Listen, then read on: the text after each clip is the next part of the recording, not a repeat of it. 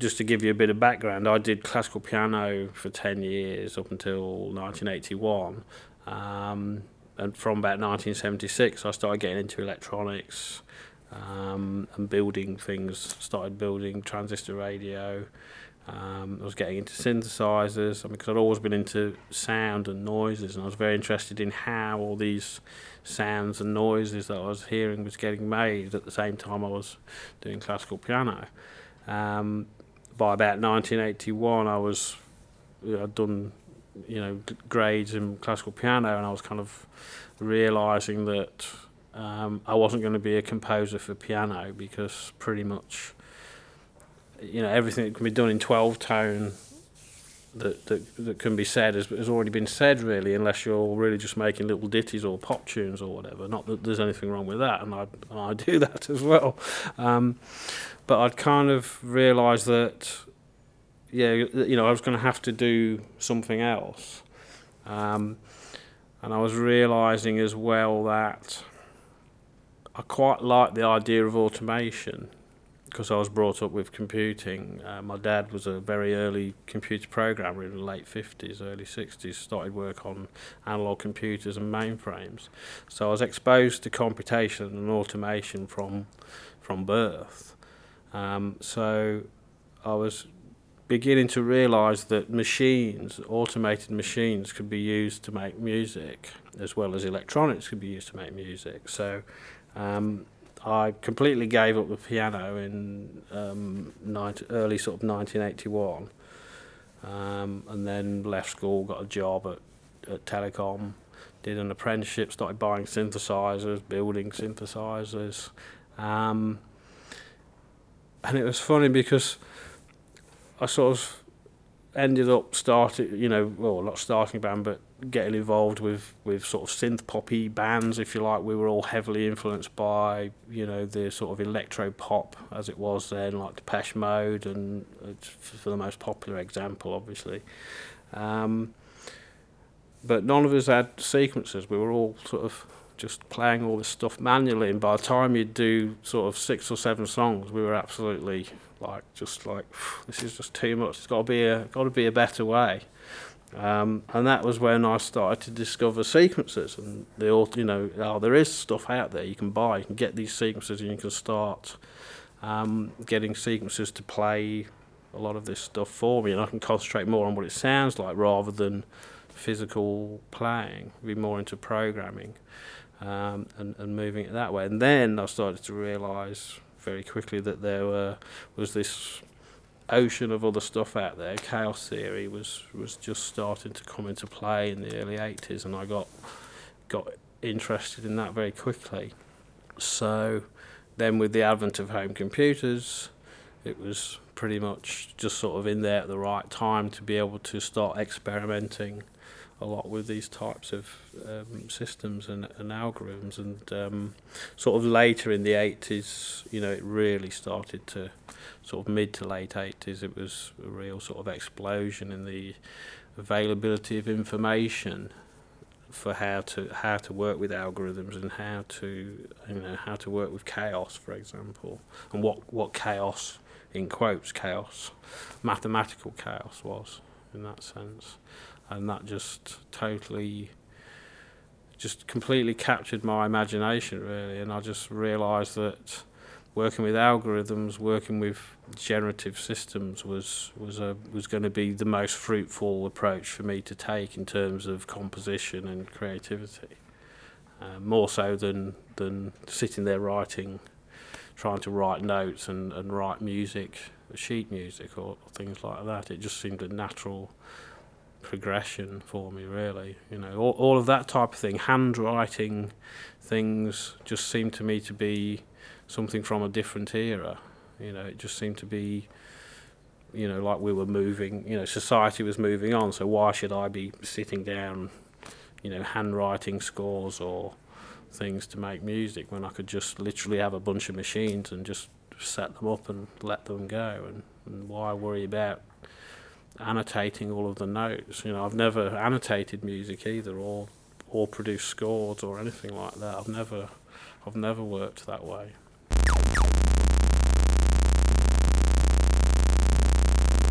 Mm, yeah, well, I've, it's been a long, been a long road for some of that because that's pretty much what the response I've got from the research council in Australia.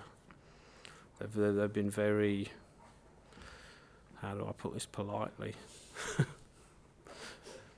the Australian Research Council actually said to me, in in the in, in what they wrote back, they said this would be a national embarrassment if we funded it. What? Yeah.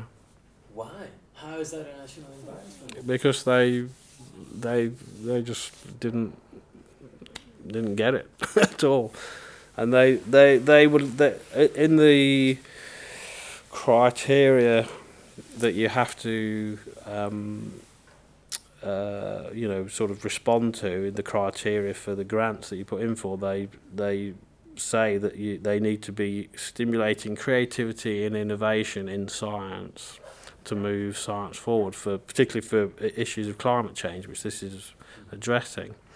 But yeah, they said this would be a national embarrassment if we funded it. Wow. There was a few other things they said as well, which I won't won't repeat. They need to be so bold. Mm. Yeah, it They was said, I mean, it was uh, it was quite insulting actually. Yeah, I mean, You know. Don't, don't put it say- politely. yeah, yeah. But they were quite um, uh, well, quite rude actually. and I was going to make a complaint, but the university that I was I was involved with at the time, who were going to be a um, like a, a you know an industry partner with me to do that, had obviously a lot of other grant applications going into the Re- Australian Yes. Research Council. So they were like, "No, there's no way we can allow you to make a complaint." And I said, "Well, this is insulting. You know, this is just absolutely." Ridiculous. You know, they're claiming that I'm not a um, professional in some way, and they were suggesting that um, the papers that I'd had published and the journals that I was a peer reviewer for weren't quality journals. And I'm a peer reviewer for Leonardo Journal, Leonardo Music Journal, Computer Music Journal, you know, which are all in there. They have r- rankings for journals which go from A star, which is the top journals, to sort of E. And all the journals I was a peer reviewer for that I published in were pretty much A star journals, but they weren't interested. So, Okay. so I'm yeah, so I'm quite happy to now go overseas and talk to people overseas, which I've just been doing in Arizona, where it was extremely well received, um, and hopefully try and make um, make contacts and get some sort of um, support from from somewhere overseas. As I say, the the Arts Council in Australia are very supportive of it. They were going to be an industry partner as well in that application. So I had a uni, you know. Uh, a university and the Australia Council for the Arts were going to be were prepared to be industry partners, and then you apply to the Australia Research Council f- to also be an industry partner. So the Australia Research Council will put up a bunch of money, and the Australia Arts Council will put up the same amount of money, and Arts Council was saying, "Yeah, we're prepared to put up this money." But you know, that's the way it goes overseas. Yeah, and as I say, the Arts Council in Australia have been incredibly supportive. So Australia Council for the Arts have given me the money to build the prototype, which I've built.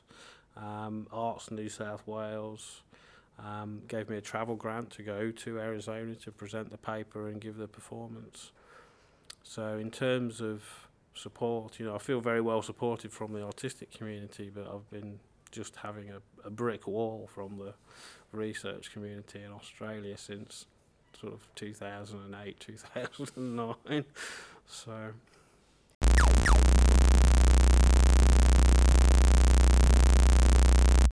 Another one was we had, um, as you'll be aware, Russell Haswell, for example, came over, um, and we did a modular synth, modular synthesizer workshop, um, a gig, and also then Russell and I did a um, like a studio session in my studio for about three or four days, um, working with my cellular automata modules um, and a bunch of other synth modules, um, which we then edited down and uh, presented to you guys, which you which you liked incredibly and said yes, let's put this out as a cassette. So, um, Fantastic.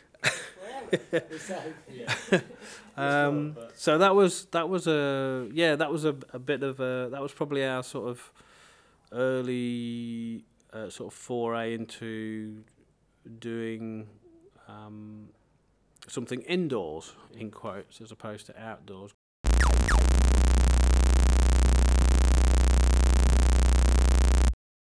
We do a lot of different things with the Wired Lab. Um, so we do, for example, contact mic building workshops. We do field recording workshops. We've had people like Chris Watson, Douglas Quin, Jez Riley French over to do field recording workshops. Um, I've given field recording workshops as well. Um, we've done. Sarah did some uh, bush dyeing workshops with, with some other artists at the end of last year, which is using sort of um, bush plants to create dyes for materials.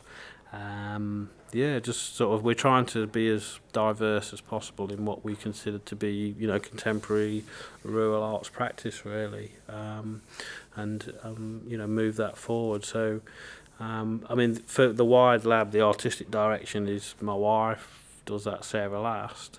Um, so Sarah pretty much deals with the program of activity for what we do. I can make suggestions, but I mean the she's the curator of the project and all you know from day one. So um, you know the artistic vision, I suppose, if you like, of the project as a whole has been been down to Sarah. Um, something that Sarah's done is uh, that has been working on over the years is this idea of landscape scale practice. Um, and she's done a number of events on um, trains. So so we we um, basically get a train, usually a heritage train, like an antique train, and uh, invite a whole bunch of artists to do installations and performances on the train. And this is a train that moves through landscape, so it goes through particular uh, rural landscape in either New South Wales. We did one a couple of years ago um, for a rural arts conference in Goolwa in South Australia, uh, which we won two awards for that actually in um, very uh, highly regarded experimental arts awards, national Australian awards. Um, on that one, we did a piece, a number of other pieces, but a, a piece that Sarah and I did for that was um, one that Sarah's been trying to realise for quite some time called Piano Drag, which is um, we attach a, a piano to the back of the train and drag the piano through the landscape with it all. Um, I contact miked the piano up and mix it live on a mixing desk as we're traversing through the landscape, and the video of the piano being destroyed is projected through the, the roofs of the, of the carriages. But we've had great difficulty getting that one set up because um, majority, you know, most trains run on public tracks but the project we did in South Australia for that it was on a private track.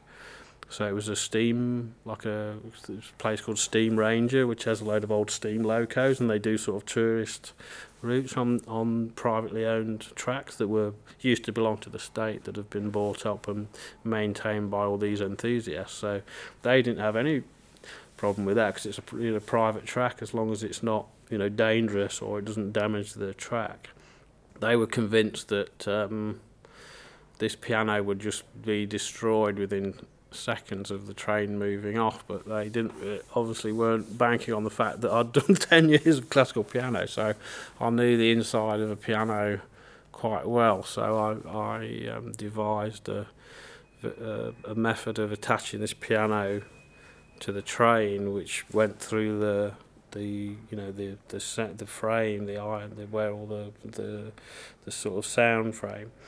And um using high tensile fencing wire again. So we had I think I had eight pieces of fencing wire attached through the frame of the piano. So I think the breaking strain was just like about like a hundred kilonewtons or something ridiculous. And um sure enough you know the the piano all most of the wooden parts of the piano were were um, quite trashed by the end of it, but the actual bulk of the piano itself was still there at the end of the journey. So um, it, it, it gave us plenty of time to do the do the performance. Um, and you can see that online. That's on my YouTube site. Actually, a little clip of that is is on there, which has been quite popular. Actually, we hope to stage that work again at some point. It was a, uh, I mean, the the. I don't really want to speak too much about the concept of the work because Sarah pretty much was was involved in the conceptual side of it. Um, but briefly, it's a, a sort of a uh, a comment on um, the colonisation of Australia, um, European colonisation. So obviously it's a it's a um, you know piano is kind of like the the most sort of highly recognised object of colonialism and the industrialisation of music, if you like, because piano is sort of came after the harpsichord and with a harpsichord for example if you're a harpsichord player you're you know you're a lot more um, intimate with your instrument because you're the one that tunes it and, and all of that kind of thing. Whereas with the piano, it became more industrialised, and the piano turns up, it's there, and if it needs tuning, you ring a tuner up, and they come in and tune it, etc. Um, so it's a it's a great symbol of uh, colonisation, um, and we uh, worked with the local indigenous uh, community, the Ngarrindjeri people um, and they allowed us to um, record their choir uh, in a local church. So we had um, the piece itself was bookended by these two indigenous um, songs sung in indigenous language in the local language. The first one was called the Pelican Song, so that's obviously a pre-colonization uh, song. Then we have the dragging of the piano for 15 minutes, and then when the train stops, I play um, Amazing Grace, sung in language, which is obviously a post-colonial uh, song. So there's this idea that we're going from the pre to the post-colonial. Sarah, I'm sure, can explain this a lot better than I can, but Yeah, that's uh, hopefully gives you a, a brief sort of idea of that particular piece. So yeah, we have a very uh, eclectic range of of projects and and um, things that we do as the Wired Lab. Yeah and that's been ongoing since about 2007.